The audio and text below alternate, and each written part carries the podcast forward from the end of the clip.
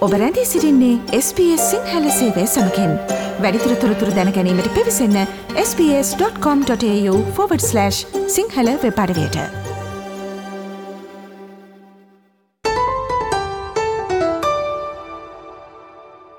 ඔබට මතක ඇති SBS සිංහල ගුවන්ඉදිරි සේවෙන් අපි ඔබට තමන්ගේ ගෙවත්ත ගිම්හාන කාලේදී පවුලි අය සමඟ කාලේ ගත කරන්නේ කොයි ආකාරයෙන්ද ගෙවත්ත තමන්ගේ නිර්මාණය කරගනි කොයි ආකාරයෙන්ද යන කියන කරුණු කාරණා පැහැදිලි කරලා දුන්නා. තමන්ගේ ගෙවත්ත ශීත කාලයට ගැලපෙන ආකාරයට සකස් කරගන්නේ කොයි ආකාරයෙන්ද කියන කාරණය සම්බන්ධව අද දවසේ ඔබට වැදගත් සාකච්ඡාවක් ගෙනෙන්නයි මේ සූදානම් වන්නේ.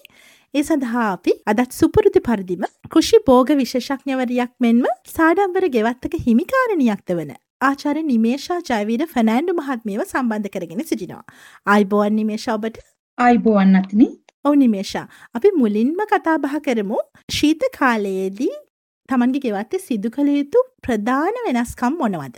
ඔව් අතිනි දැන් ගිම්හාන කාලයේදී සමයකයේදී අපිට ඇත්තටම ලස්සන ගෙවත්තක් තියෙනවා. නමුත් සරත් ඍතු එනකොට ඉතින් ගස්වල කොළ වැටෙන්න පටන් ගන්නවා ගොඩක් ගස්වල. ඊට පස්සේ අපේ සීතලට ඔරොත්තු දෙන්නේ නැති එළවලු වර්ග පළතුරු වර්ග ඒ ශාක සමහර එළවලු වර්ග මැරෙනවා පළතුරු වර්ගවල ගොඩාක් වෙලාවට කොළ පතනය වෙනවා. ඉතින් එතකොට ප්‍රධාන වශයෙන්ම අපි කරගන්න ඕන දෙයක් තමයි මැරුණු ශාක කොටස් ඒ ගස් වලින් කපලා ඉවත් කරගන්න එක. එහෙම නැති වුණොත් මොකද වෙන්නේ? අපි ස්ප්‍රින්ග් සීසන් එකේදී නැවතත් වගාව පටන් ගන්නකොට ඒ කෘමි උවදුරු ගොඩක් වැඩි වෙන්න පුළුවන්.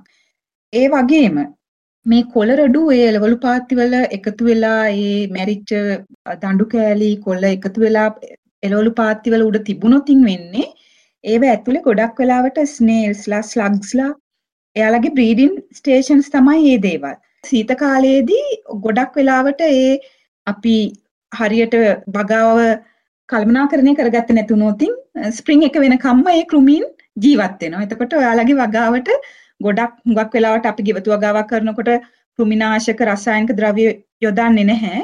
අපි ගොඩක් වෙලාවට කරන්නේ මේ වගේ ක්‍රම උපයෝගී කරගනිමින් මේ වගාවට කෘමීන් සහ රෝග එන එක වළක්වා ගැනීම. ඉතින් මම කිව්ව විදිහට පාති පිරිසිදු කර ගැනීම ඉතාමත්ම වැදගත්. ඒ වගේම ප්‍රූනින් ඔයාලට පළතුරු ගස් තියෙනවා නම් apple, pear, plum, apricot, grapes වගේ පළතුරු ගස් වර්ග ඔයාලගේ වත්තේ තියෙනවා නම් අනිවාර්යයෙන්ම ප්‍රූනින් කිරීම වැදගත් වෙනවා. ප්‍රූන් කරේ නැතුනොත් මොකද වෙන්නේ? ඊළඟ කන්නේදී ඔයාට ලැබෙන අස්වැන්න ගොඩක් අඩු වෙන්න පුළුවන්. ඒ වගේම විශේෂ රෝග වර්ග තියෙනවා. ලීෆ් කර්ලි ඩිසීස් කියලා එකක් තියෙනවා. මෙහි තියෙන ගොඩක් පළතුරු ගස් වලට ඒ ප්ලම් වලට ඇප්‍රිකොට් වලට ගොඩක් වෙලාවට ඒක වැළඳෙනවා. ලීෆ් කර්ලි ඩිසීස් එක වැළඳුනාට පස්සේ හරි අමාරු ඒක කන්ට්‍රෝල් කරන්න. ඉතින් ගොඩක් වෙලාවට අපි ඒ අපේ පළතුරු ගස් ප්‍රූන් කරලා තියාගත්තොත් ඉතින් වින්ටර් එකේදී ස්ප්‍රින්ග් එක වෙනකොට ලස්සනට දළු දාලා ඔයාලගේ ගෙවත්ත සස්ත්‍රීක වෙනවා. ඒ වගේම තවත් කෘමීන් ඉන්නවා රතග්ලන් බග් කියලා ඉන්නවා ස්කේල් ඉන්සෙක්ස්ලා ඉන්නවා ත්‍රිප්ස්ලා ඉන්නවා මේ හැමෝම ශීත කාලෙදි තමයි යාළගේ බ්‍රීඩින් ප්‍රොසෙස් එක ස්ටාර්ට් කරන්නේ. ඒ නිසා අපි අර වේලිච්ච පත්‍ර වගේ දේවල් කොම්පෝස්ට් හදනවා නම් ඒ කොම්පෝස්ට් පිට් එකට දාන්න ඕනේ. එහෙම නැත්නම් මම කරන දෙයක් තමයි මං ගොඩක් වෙලාවට ওই තක්කාලි කිව්කම්බ වගේ අපේ බෝග ඉවරුණාට පස්සේ අස්වැන්න නෙලලා ඉවරුණාට පස්සේ ඒ ඒව ගලවලා චූටි චූටි කෑලි වලට කපලා ඒ හරියම ඒ පස්සේ වලලන එක.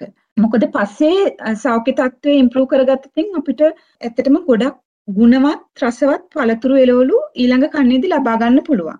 ඉතින් තව දෙයක් තමයි අපිට කරන්න පුළුවන් ඕස්ට්‍රේලියාවේදී ඇත්තටම අපිට ගොඩක් කාබනික පොහොර වර්ග ඉතාමත් පහසු මිලකට ලබා ගන්න පුළුවන්. ෂීප් මැනුව, කව් මැනුව, චිකන් මැනුව අපි චිකන් මැනුව වලට කියනවා ඩයිනමික් ලිෆ්ට් කියලා. මොකද චිකන් මැනුවල් තමයි ගොඩක් නයිට්‍රජන් ප්‍රතිශතයක් අඩංගු වෙන්නේ. 102ත් 104ත් අතර ප්‍රමාණයක් නයිට්‍රජන් මේ චිකන් මැනුවල් අන්තර්ගත වෙනවා. අනිත් දේ තමයි ඔයාලගේවත් සිට්‍රස් කුලේ භෝග වර්ග තියෙනවා නම් දෙහි, දොඩම්, මැන්ඩරින් ඒ වගේ භෝග වර්ග තියෙනවා නම් විශේෂයෙන්ම මේකට ස්පෙෂල් සිට්‍රස් පර්චලයිස් එකක් දාන්න ඕන ශීත ඍතුවේදී. එතකොට තමයි අපිට වැඩි ඵලදාවක් නෙලා ගන්න පුළුවන් වෙන්නේ. තව සීසන්ස් දෙකක් විතර ගියාට පස්සේ. ඔස්ට්‍රේලියාවේ දේශගුණයට හුරු වෙලා නැති නමුත් අපි කෑමට ගැනීමට කැමති ඒවලු පළතුරු වර්ග අපි වවා ගන්නවනේ අපේ ගෙවැත්තේ. උදාහරණයක් තමයි කරපිංච ගහ. එතකොට මේ කරපිංච ගහ ඇත්තටම ෆ්‍රොස්ට් එකට දැන් මම ජීවත් වෙන ප්‍රදේශේ නම් විශාල ඒ කියන්නේ අධික විදිහට ෆ්‍රොස්ට් එක වැටෙනවා. නමුත් සමහර ප්‍රදේශවල ෆ්‍රොස්ට් එක වැටෙන එක ගොඩක් අඩුයි. ඉතින් ඇත්තටම මම කරන්නේ මේ කරපිංච ගහ ෆ්‍රොස්ට් ක්ලෝත්ස් තියෙනවා. ඒ බනින්ස් එකෙන් ගන්න පුළුවන් ෆ්‍රොස්ට් කව එකක්. ඒක අරගෙන ගහේ කඳ වටා හොඳට ඔතලා තියෙනවා. කොහොමත් මැයි මාසේ මැද විතර වෙනකොට මම කරපිංච ගහේ තියෙන හොඳට මේරු පත්‍ර ටික සියල්ලම කඩා ගන්නවා.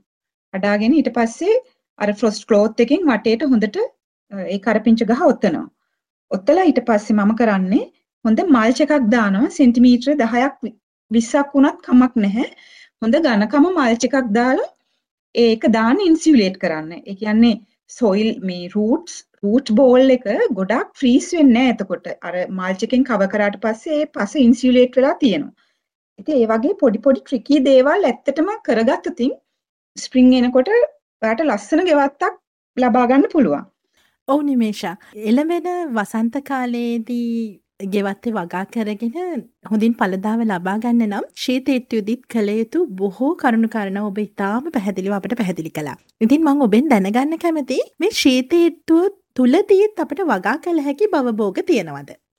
ශීතීර්තුවේදී අතින් අපිට වගා කරගන්න පුළුවන් භෝග වර්ග කීපයක්ම තියෙනවා. කැරට්, ඒ වගේම බ්‍රැසිකා ෆැමිලි එකේ භෝග වර්ග විශේෂයෙන්ම broccoli, kohlrabi, cauliflower, cabbage, leafy cabbage, kale, radish, Brussels sprout, spinach, uh, සුදුලූණු, ලූණු, spring onion, ඒ වගේම uh, snow pea, asparagus, leeks, minus lettuce, mustard greens, Swiss chard, beetroot.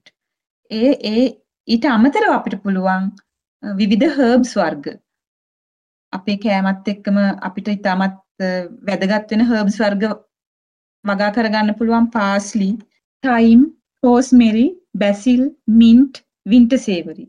ඒ වගේ හර්බ්ස් වර්ග අපිට ශීත ඍතුවේදී වගා කරගන්න පුළුවන්.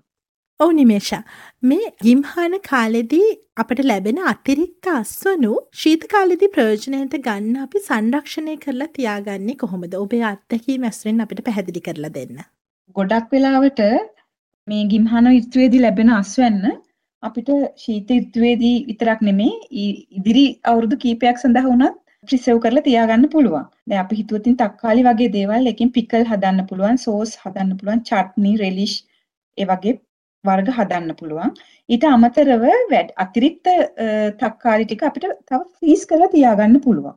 ඇත්තටම මේ ක්‍රම කීපයක් තියෙනවා. ෆ්‍රීසින්, කෑනින්, පිකලින්, ඩ්‍රයින්, ප්‍රෙලිෂින්, ජෑම් ජෑම් හදන්න පුළුවන් සෝස් වර්ග හදන්න පුළුවන්. ඉතින් මේ සෝස් වර්ග අපිට තක්කාලි වලින් වගේම තව වෙනත් පළතුරු වර්ග වලින් හදන්න පුළුවන්.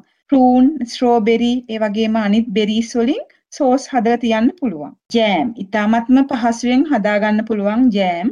ඔයාගේ වත්තේ වැඩිපුර ප්ලම් තියෙනවා නම් ඇපල්, පෙයාස්, ඒ ඕනම වර්ගයකින් අපිට මේ ජෑම් හදලා තියාගන්න පුළුවන්. අනිත් එක රෙලිෂ්, බීට්රූට්, ටොමාටෝ, ගාලික් වගේ භෝගවලින් රෙලිෂ් හදත හැකි. අනිත් එක වේලල තියාගන්න පුළුවන්. උදාහරණයක් විදිහට කරපිංච වත්තේ වැඩිපුර කරපිංච තියෙනවා නම් අපි දන්නවා අපිට ඒක ෆ්‍රීසර් එකේ තියාගන්නත් පුළුවන්. නමුත් ගුණාත්මක භාවය වෙනසක් වෙන්නේ නැතුව ඒ කරපිංච ටික ඒ කොළ ටික වේල ගන්න පුළුවන්. වේලගෙන කුඩු කරලා අපගේ ව්‍යංජන වලට එකතු කරන්න පුළුවන්. ඒ වගේම මිරිස්, තක්කාලි, හර්බ්ස් වර්ග, ගාලික්, කේල් ඒ වගේ දේවල් වේලලා කල් තබා ගන්න පුළුවන්. කියුකම්බ සුකිනි ඒ වගේම දෙහි ලෙමන් වගේ වර්ග බීට්රූට් ඊට පස්සේ ගෝවා ලූණු ඒවා පිකල් කරලා තියාගන්න පුළුවන්. හුඟක් වෙලාවට ගොඩක් පළතුරු වර්ග කෑන් කරලා තියාගන්න පුළුවන්. හුඟක් වෙලාවට මම ෂුගර් සිරප් එකක ඒ පළතුරු වර්ග කෑන් කරලා තියාගන්න. අනිත් එක ෆ්‍රීස් කරන එක. ෆ්‍රීස් කරන එක ඉතාමත් පහසුවෙන් කරගන්න පුළුවන් දෙයක්. ඔයාලට අර ඔස්ට්‍රේලියාවේ ඉතාමත් පහසුවෙන් ගන්න පුළුවන් සිප්ලොක් බෑග්. ඒ බෑග් වලට දාලා හොඳට එයා ටයිට් කරලා ෆ්‍රීසර් එකේ ඒ ඒ වගේ එළවලු පළතුරු වර්ග කල් තබා ගන්න පුළුවන්. ඔව් අපි අද දවසේ කතා බහ කරමින් සිටියේ Tamanගේ ගෙවත්ත ශීත කාලයට සරිලන පරිදි සකස් කරගන්නේ කොයි ආකාරයෙන්ද කියන වැදගත් කාරණාව සම්බන්ධයෙන් ඒ සඳහා අපට ඊටාම වටිනා උපදෙස් ලබා දීමට අප සමග සම්බන්ධ වුණේ කෘෂි බෝග විද්‍යාඥවරයක් මෙන්ම සාඩම්බර ගෙවත්තක හිමිකාරණයක් වන ආචාර්ය නිමේශා ජයවීර ෆැනෑන්ඩු. ඔබට බෙහිවින්ම ස්තුතිවන්ත වෙනවා අප සමඟ සම්බන්ධ වනාට. ස්තුතියි අතිනි මම සම්බන්ධ කරගත්ත.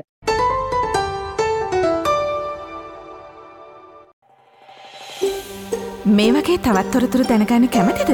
එහමනම් Apple podcast Google podcast Spotify ඔබගේ පොඩ්කාස්ට ලබාගන්න ඕනෑ මමාතයකින් අපට සවන්දය හැකේ.